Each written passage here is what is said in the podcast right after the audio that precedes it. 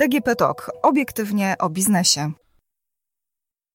Polski Ład to dodatkowe miliardy złotych na innowacyjne inwestycje, które mają służyć młodym ludziom poprzez ich edukację i społeczeństwu poprzez rozwój gospodarki, jak napisał szef rządu we wpisie na Facebooku. Czy faktycznie tak się stanie?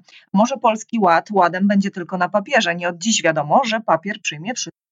Dzień dobry, Agnieszka Gorczyca, Infor.pl, a gościem podcastu Obiektywnie o biznesie Moja Firma jest Jacek Czauderna, przedsiębiorca i prezes Izby Gospodarczej Gastronomii Polskiej. Dzień dobry Panie Jacku. Dzień dobry Pani redaktor, dzień dobry Państwu. Panie Jacku, Pan zapoznał się już z programem Polskiego Ładu. Jaka była Pana pierwsza myśl? No pierwsza moja myśl taka była, że znowu nikt nas nie zapytał, przedsiębiorców o zdanie. Mm, mamy przepiękne deklaracje od rządu. Chciałbym może wspomnieć troszeczkę o poprzednich programach, które były komunikowane przez rząd. Na krótko bym wrócił do roku 2017, kiedy mieliśmy strategię na rzecz odpowiedzialnego rozwoju. Wtedy pan premier obiecywał produkcję miliona aut elektrycznych, mieszkań, promów program inteligentnej kopalni. No była to wielka i długa lista niezrealizowanych obietnic. No i co się teraz dzieje? No mamy program Polskiego Ładu. Ja powiem tak, według mnie i nie tylko y, mojej osoby, ale, ale wielu przedsiębiorców, zakłada on przede wszystkim chyba centralizację władzy, skupienie decyzji makroekonomicznych i, i społecznych no w takim wąskim gronie chyba polityków, a nas znowu pominięto. Tak jak nas pomijano przedsiębiorców, ja tu mówię o grupie, potężnej grupie dwóch milionów przedsiębiorców, którzy zatrudniają prawie 7 milionów pracowników, to my chyba powinniśmy być przede wszystkim punktem tego polskiego ładu po pandemii. Dlaczego? Ponieważ wnosimy do produktu krajowego brutto 50% środków. Natomiast bardzo mało się mówi o właśnie nas, przedsiębiorcach, nawet samorządowcach. Czyli to, co nazywamy, mogę powiedzieć, budową społeczeństwa aktywnego, które współdecyduje o przyszłości swojego kraju i jest współodpowiedzialny za tą przyszłość, no to tutaj y, no nie mamy dialogu merytorycznego z rządem, żadnego dialogu merytorycznego. Właśnie, ja zastanawiam się, dlaczego tego dialogu nie ma, tym bardziej, że Państwo zabiegacie o te rozmowy. Dlaczego do nich nie dochodzi? Pani redaktor, y, no, pandemia trochę połączyła y, przedsiębiorców gastronomicznych. Jak, jak pani wie, założyliśmy Izbę Gospodarczą Gastronomii Polskiej, która zarejestrowała się we wrześniu 2020 roku. Y, mamy już 800 członków. W czasie, w tym czasie no, zaledwie tam 9 miesięcy, można by powiedzieć, e, wysłaliśmy wiele petycji do rządu, wysłaliśmy wiele konkretnych propozycji biznesowych, gospodarczych, żeby ratować tą branżę 85 tysięcy punktów gastronomicznych, które zatrudniały przed pandemią milion ludzi. No powiem tak, nie, nie, ma, nie było żadnych konkretnych odpowiedzi. Mamy jakieś małe, można powiedzieć, zwycięstwa w, tej, w tym dialogu z przedstawicielami rządu. Natomiast y, rząd jakby stał troszeczkę obok. Y, nie był z przedsiębiorcami, czy nie był z tą grupą społeczną, która płaci podatki. Jak płacimy podatki, to wtedy możemy rozwijać y, państwo, rozwijać kraj. Ja bym porównał troszeczkę rządzących do takiej korporacji, firmy. Firma żyje z przychodów, a przychodami rządu są właśnie podatki. Natomiast w polskim ładzie Mówi się o infrastrukturze, o, o rozwoju autostrad, o budowaniu elektrowni wiatrowych, o jakichś elektrowniach mm, wodorowych. Natomiast no, to jest inwestycja potężna w infrastrukturę.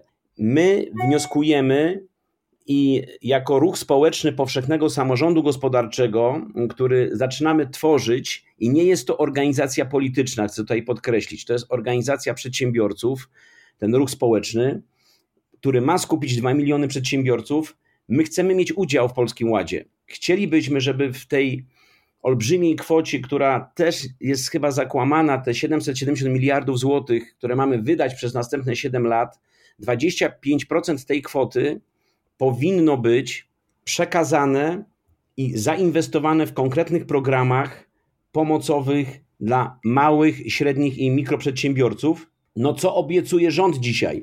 No, no mogę tylko powiedzieć coś y, kuriozalnego, jeżeli chodzi o panią wiceminister Olgę Semeniuk, która tutaj ogłasza y, w prasie, że będzie przygotowany polski inkubator rzemiosła, tak? Program, który będzie adresowany do 300 tysięcy firm rzemieślniczych i roczny budżet, proszę Państwa, roczny budżet na ten program, i to nie jest pomyłka, sprawdzałem wielokrotnie, to jest 10 milionów złotych.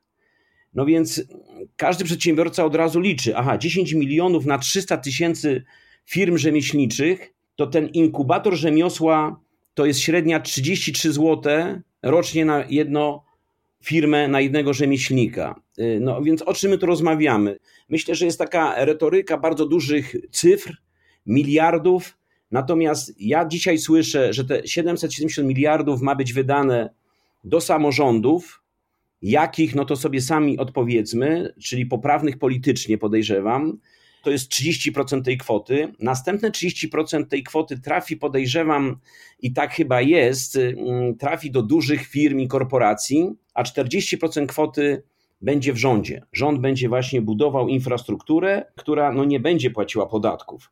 Dlatego y, jesteśmy zaskoczeni, my, y, mali, mikro, średni przedsiębiorcy, dlaczego nie mamy konkretnych programów pomocowych dla nas, żeby jak najszybciej podnieść z kolan małą i średnią przedsiębiorczość. Dzisiaj nie mamy reprezentacji przed rządem, to też chcę podkreślić. Dzisiaj jedynym reprezentantem jest y, rzecznik mikro, małych i średnich przedsiębiorców, y, pan Adam Abramowicz zespołem i nie ma innej reprezentacji. Dlatego uchwalenie ustawy i, i nasze spotkanie po przekazaniu memoriału na ręce pana prezydenta, że domagamy się reprezentacji w rządzie i przed parlamentem tych dwóch milionów przedsiębiorców, no spotkał się z dobrym przyjęciem. Pan prezydent zaprosił do rozmów. Byłem z panem doktorem Grabowskim na spotkaniu z sekretarzem stanu, z panem e, ministrem Adamem e, Kwiatkowskim i z dyrektorem do spraw wydarzeń krajowych z panem Bogdanem Pawłem. Jest duża przychylność do naszej inicjatywy, żeby ustawa o powszechnym samorządzie gospodarczym została uchwalona, ale no przykro mi to mówić, na razie są to tylko deklaracje. Wnioskowaliśmy znowu o powołanie zespołów roboczych, żeby tą ustawę uchwalić, żebyśmy mogli wspólnie wypracować programy, które będą aktywizowały klasę średnią, bo klasa średnia ze swoich przychodów powinna zyski inwestować, inwestować w rozwój polskiej gospodarki. Dzisiaj klasa średnia, pani redaktor, przejadła y, w ratowaniu biznesu wydała wszystkie pieniądze, żeby nie zamknąć i nie ogłosić bankructwa w czasie pandemii. No tak, głównym celem to było, żeby w ogóle przetrwać e, i utrzymać e, chociaż zespół na minimalnym poziomie. Ale Panie Jacku, zastanawiam się, jakie programy wsparcia byłyby dla przedsiębiorców w tym momencie najbardziej takie efektywne i potrzebne? Powiem, pierwsza sprawa to drakoński ZUS. Jeżeli y, po moim spotkaniu z panią prezes ZUS-u, pani profesor chwaliła się bardzo że mm, ZUS się automatyzuje, więc jeżeli coś się automatyzuje, czyli będą automatyzowany będzie pobór mm, składek ZUS-u, a jednocześnie ZUS będzie obciążał teraz nowymi podatkami, nowymi składkami samozatrudnionych. Ja zadałem pytanie pani prezes. Pani prezes, ciągle mówicie o, o szarej strefie, o czarnym zatrudnieniu, że ludzie pracują bez umów. No więc y, skoro automatyzujecie ZUS, to wasze koszty stałe jako firmy ZUS spadną bo będziecie mieć mniej pracowników, bo będzie automatyczny pobór składek. Nie, nic podobnego. Pani prezes oświadczyła mi, że przecież ci pracownicy ZUS-u to, to są z budżetu państwa, to jest zupełnie inny koszyk, z którego są pieniądze pobierane, a pobory składek to jest zupełnie inna sprawa. No, to tu jest totalne pomylenie y, w ogóle procesów. Budżet państwa to my, podatnicy. My, my ten budżet tworzymy. Więc skoro automatyzujemy ZUS, powinniśmy obniżyć składki ZUS-owskie, karać, karać bardzo mocno finansowo przedsiębiorców zatrudniających na czarno pracowników, bo to jest realne narzędzie do walki właśnie z czarnym zatrudnieniem albo z umowami śmieciowymi, czyli obniżenie składek ZUS. Na pewno obniżenie składek ZUS dla wszystkich branż zamkniętych podczas pandemii, przynajmniej na następne 12 miesięcy. Dlaczego? Dlatego, że jeżeli chodzi o odroczone ZUSy, które odraczaliśmy teraz w czasie pandemii, musimy zapłacić te zawieszone, odroczone ZUSy i nowe ZUSy, i nowe składki. Drugi temat już z mojej branży usługa gastronomiczna.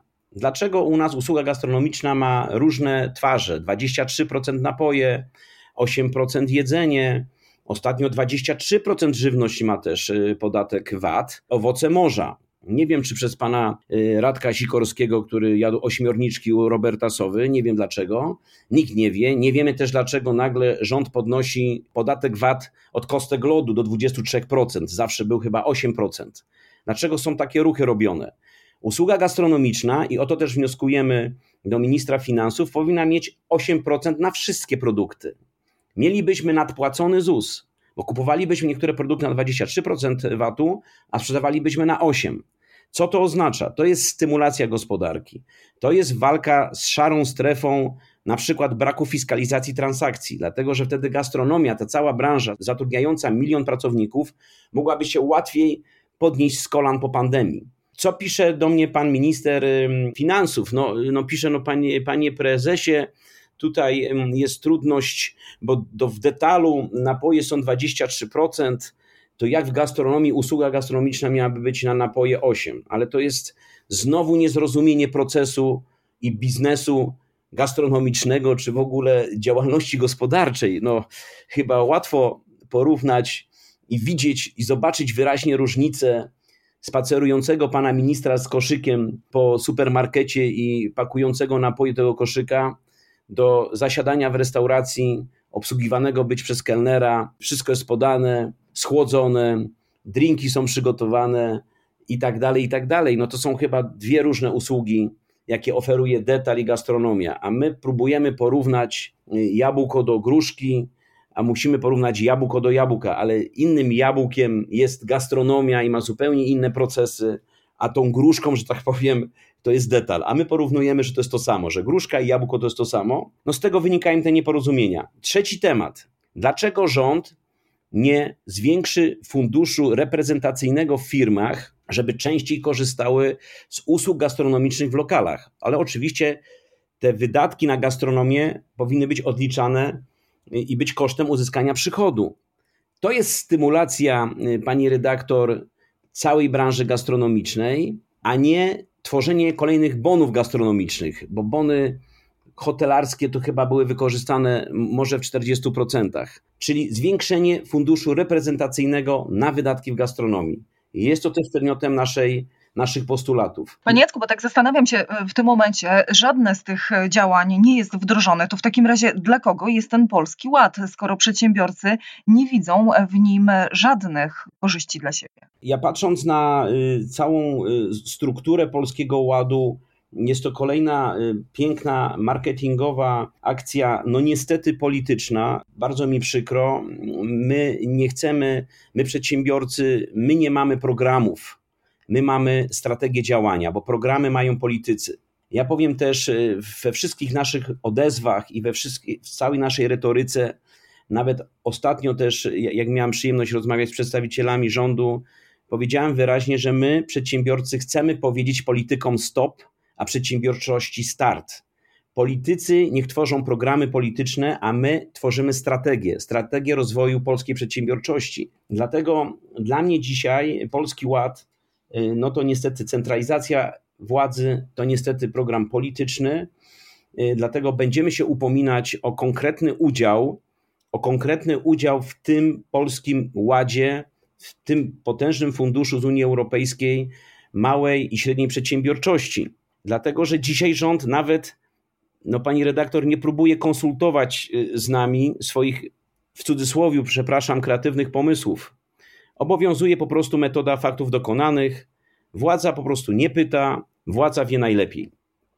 Pod pretekstem troski o rodzinę, demografię, służbę, rząd centralizuje dysponowanie e, tymi pieniędzmi. No i niestety tworzy nowe, no muszę to też powiedzieć, biurokratyczne chyba struktury z etatami dla, dla swoich, czyli tych, którzy są, jakby to powiedzieć, przyjaźni dzisiaj obecnie rządzącej władzy. Y, no to jest przykre. Y, no, sam efekt, dlaczego pojawiają się kolejne nowe y, składki ZUS dla samozatrudnionych. Jest to naj, najliczniejsza, można powiedzieć tutaj, pani redaktor, grupa społeczna. Ponieważ na te 2 miliony przedsiębiorców to 97% to są mikrofirmy, które zatrudniają do 10 pracowników i one y, i te firmy, można powiedzieć, stanowią gro wpływów z podatku VAT dla produktu krajowego brutto. Więc tutaj naprawdę muszą być wypracowane wspólnie z, poprzez konsultacje z nami, muszą być wypracowane realne programy. Nie możemy przymykać oko też na, na pracę nieewidencjonowanych nie obcokrajowców, głównie z, ze wschodu. Szacujemy tą liczbę, i to też y, nie tylko ja mogę powiedzieć, około miliona tych ludzi, obcokrajowców, y, pracuje na czarno. Dlatego te wszystkie dane z małych, mikro, średnich przedsiębiorców są chyba bardzo zaniżone do, do stanu faktycznego. Ja powiem tak, myślę, że największym problemem dzisiaj jest, że rząd po prostu nie mówi prawdy. Rząd mówi to, co chcą usłyszeć y, politycy, natomiast sektor małych i, i średnich przedsiębiorstw jest całkowicie pomijany w konkretnych programach pomocowych, żeby wyjść z tej opresji systemu podatkowego i bardzo nierównej konkurencji z dużymi firmami. Ale tak sobie mm, też zastanawiam się nad tym, że przecież ma Pan świadomość tego, że mm, no te rozmowy, które Państwo prowadzicie, to, to nie są rozmowy, które odbywają się po raz pierwszy. Inne sektory też już próbowały, jeżeli chodzi o przedsiębiorców, bo przecież próbował też fitness. I, i nic z tych rozmów e, po prostu nie wynikało. Czy Państwo gdzieś tam na plecach czujecie, że to może też być porażka? Ja powiem tak, Pani redaktor. Myślę, że to nie będzie porażka pod jednym warunkiem.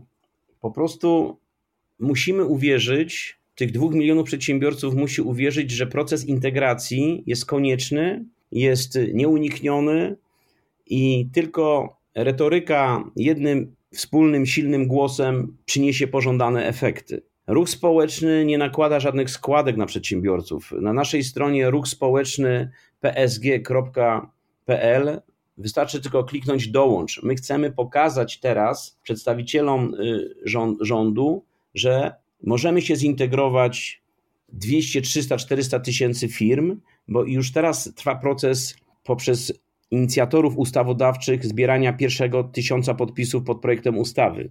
Następnie będziemy zbierać 100 tysięcy podpisów. Ważne jest, żeby przedsiębiorcy uwierzyli, że nie potrzebujemy polityków do decyzji w sprawach gospodarczych.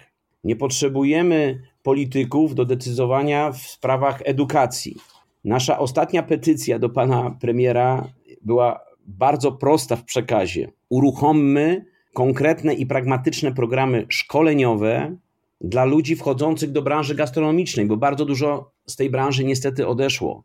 Odeszło do innych branż, bo nie wiedzą, co będzie na jesieni, czy znowu nie będzie lockdownu i znowu nas nie zamkną. To oznacza, że skoro przychodzą nowi ludzie, dopiero co po maturze czy po szkole zawodowej, nie mają kompletnej wiedzy praktycznej albo nie mają wykształcenia gastronomicznego, no to chyba pan premier ze swoimi doradcami powinien uruchomić bardzo szybko program szkoleniowy przystosowania bardzo dużej grupy społecznej, mówimy tu o kilkuset tysiącu pracowników, których nam brakuje, kilkaset tysięcy pracowników brakuje tylko w branży gastronomicznej, żeby ich przystosować do zawodu, żeby uruchomić konkretne programy szkoleniowe. Prowadzimy jako Izba Gospodarcza Gastronomii Polskiej rozmowy z Ministerstwem Edukacji budowy takiego wielkiego centrum szkoleniowego dla tych wszystkich młodych ludzi.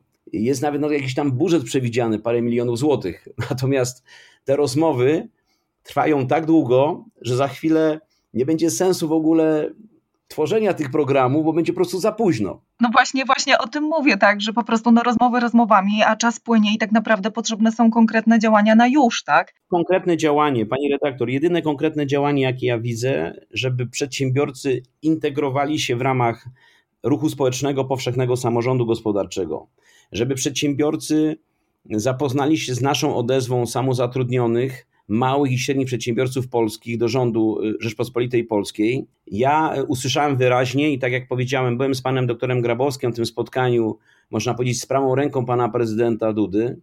Usłyszałem, że prezydent y, popiera inicjatywę integracji małych i średnich firm.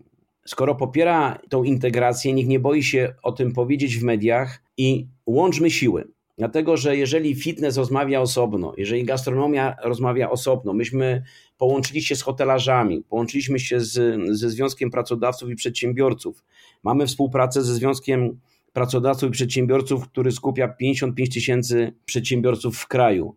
Mamy super współpracę z panem Adamem Bromowiczem, rzecznikiem małych i średnich przedsiębiorców, który skupia z kolei 290 organizacji pracodawców i pracowników. Natomiast ten proces wcześniej nie miał miejsca. Każdy, jak to się mówi kolokwialnie, sobie rzepkę skrobał, każdy sobie coś robił, nie oglądał się na innych. Myślę, że ten czas już minął.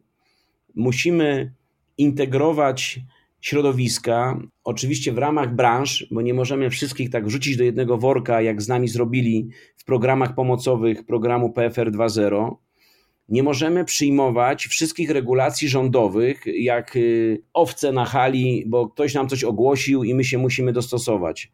Wszystkie decyzje dotyczące gospodarki muszą być konsultowane z przedsiębiorcami i dlatego teraz w sposób społeczny, proaktywny próbujemy integrować pracowników, bo o nich przede wszystkim walczymy, bo oni budują polską gospodarkę, ale też musimy integrować pracodawców, którzy muszą mieć normalne, przyjazne podatkowo państwo. A my dzisiaj niestety nie mamy perspektyw. Młodzi ludzie, ja mam pięcioro dzieci, pani redaktor. Trójka moich synów nie widzi perspektyw w Polsce. Jeden już jest z Szwajcarii, drugi mówi, że za chwilę będzie wyjeżdżał gdzieś tam do, do Londynu, trzeci chce do Szwecji jechać studiować, bo nie widzi perspektyw w Polsce. Nie widzi dla siebie miejsca. To jest straszne, a my musimy budować przyszłość dla naszych dzieci. A odnośnie e, integracji jeszcze przedsiębiorców, została zarejestrowana już partia strajku przedsiębiorców. Czy tutaj też e, Państwo widzicie wspólne pole do, do działania, czy to będzie jakby osobna inicjatywa? Ruch społeczny powszechnego samorządu gospodarczego nie jest instytucją partyjną. My nie mamy w planach e, zakładania partii. My obecnie pracujemy nad dziesięcioma strategicznymi kierunkami kontekście Polskiego Ładu, dlatego że y, no nie pozwolimy, żeby nasza y, bardzo duża grupa przedsiębiorców była kompletnie pomijana. Dlatego nie będziemy tworzyć na pewno partii. Nie, może y, będziemy rozmawiać z niezrzeszonymi posłami, bo jest taka grupa posłów niezrzeszonych, czyli bezpartyjnych. My nie chcemy się mieszać do polityki. Myślę, że społeczeństwo jest zmęczone polityką, zmęczone jest y, przepychankami, które nie mają żadnego wpływu na rozwój gospodarki w Polsce, na, na rozwój małej i średniej przedsiębiorczości, a nam zależy tylko i wyłącznie na tym, żeby właśnie rozwijać tą grupę społeczną, która jest najliczniejsza w naszym kraju. Przypominam, to jest 7 milionów, milionów aktywnych zawodowo ludzi i wchodzących nowych grup społecznych, młodych ludzi, którzy powinni zostać w kraju. I dla nich musimy zbudować solidne podstawy, a mam tutaj na myśli przede wszystkim normalne podatki, takie, żeby przedsiębiorca nie musiał kombinować. Dzisiaj niestety przedsiębiorca kombinuje, czy zatrudnić na umowę zlecenie, czy na umowę o dzieło, czy na umowę o pracę. Dlaczego kombinuje? Gdyby składki ZUS były obniżone i bylibyśmy wszyscy zatrudnieni na umowę o pracę, to w realnych pieniądzach ZUS otrzymałby większe środki, ale trzeba usiąść i zacząć to liczyć. Gdyby rządzący obniżyli podatek VAT dla branży gastronomicznej, mniej byłoby szarej strefy i braku fiskalizacji transakcji, bo niestety jest, jest ona faktem. Nie będziemy się tutaj czarować, że, że wszystko jest idealne i 100% jest fiskalizowane, ale gdyby była obniżona stawka na usługi gastronomiczne do 8%, to w realnych pieniądzach minister finansów zanotowałby większe wpływy z VAT-u z branży gastronomicznej. Ale to wszystko wymaga dialogu, merytorycznego dialogu, pracy wspólnej, razem, bez żadnych podziałów, a przede wszystkim bez podziałów politycznych. Panie Jacku, to jeszcze na, koniec e, rozmowy przywołam tutaj cytat e, premiera. E, pieniądze, jeżeli chodzi o Polski Ład, będą wznosić polską gospodarkę na coraz wyższe poziomy. My, Polacy, nie mamy się czego wstydzić. Możemy się czuć dumni z rozwoju naszej ojczyzny. Czy czuje się pan dumny z rozwoju ojczyzny? No i mi się przypomina Stanisław Wyspiański, a to Polska właśnie. No takie piękne zdania pan premier powiedział, z których niestety nic nie wynika. Bardziej bym y, tutaj sugerował do pana premiera, żeby zrobił piękne tabele, pokazywaliśmy, z których niestety też, nic nie wynikało, jeżeli chodzi o COVID, te wszystkie strefy zielone, czerwone, y, żółte i tak dalej, co się kiedy będzie otwierało, ale niestety nie miały zastosowania w praktyce. Więc powiem pani redaktor i panie premierze, bardzo prosimy, jakie środki i na jakie działania będą przekazane dla samozatrudnionych małych i średnich przedsiębiorców polskich. Nie mówmy o wyżynach, nie mówmy górnolotnych słów, mówmy prostym językiem do naszych samozatrudnionych małych i średnich przedsiębiorców polskich. Jakie programy będą, żeby mogli funkcjonować i się rozwijać? Dziękuję serdecznie za rozmowę. Gościem podcastu był Jacek Czałderna, przedsiębiorca i prezes Izby Gospodarczej Gastronomii Polskiej. Dziękuję za rozmowę. Bardzo dziękuję. Wszystkiego dobrego. Do usłyszenia.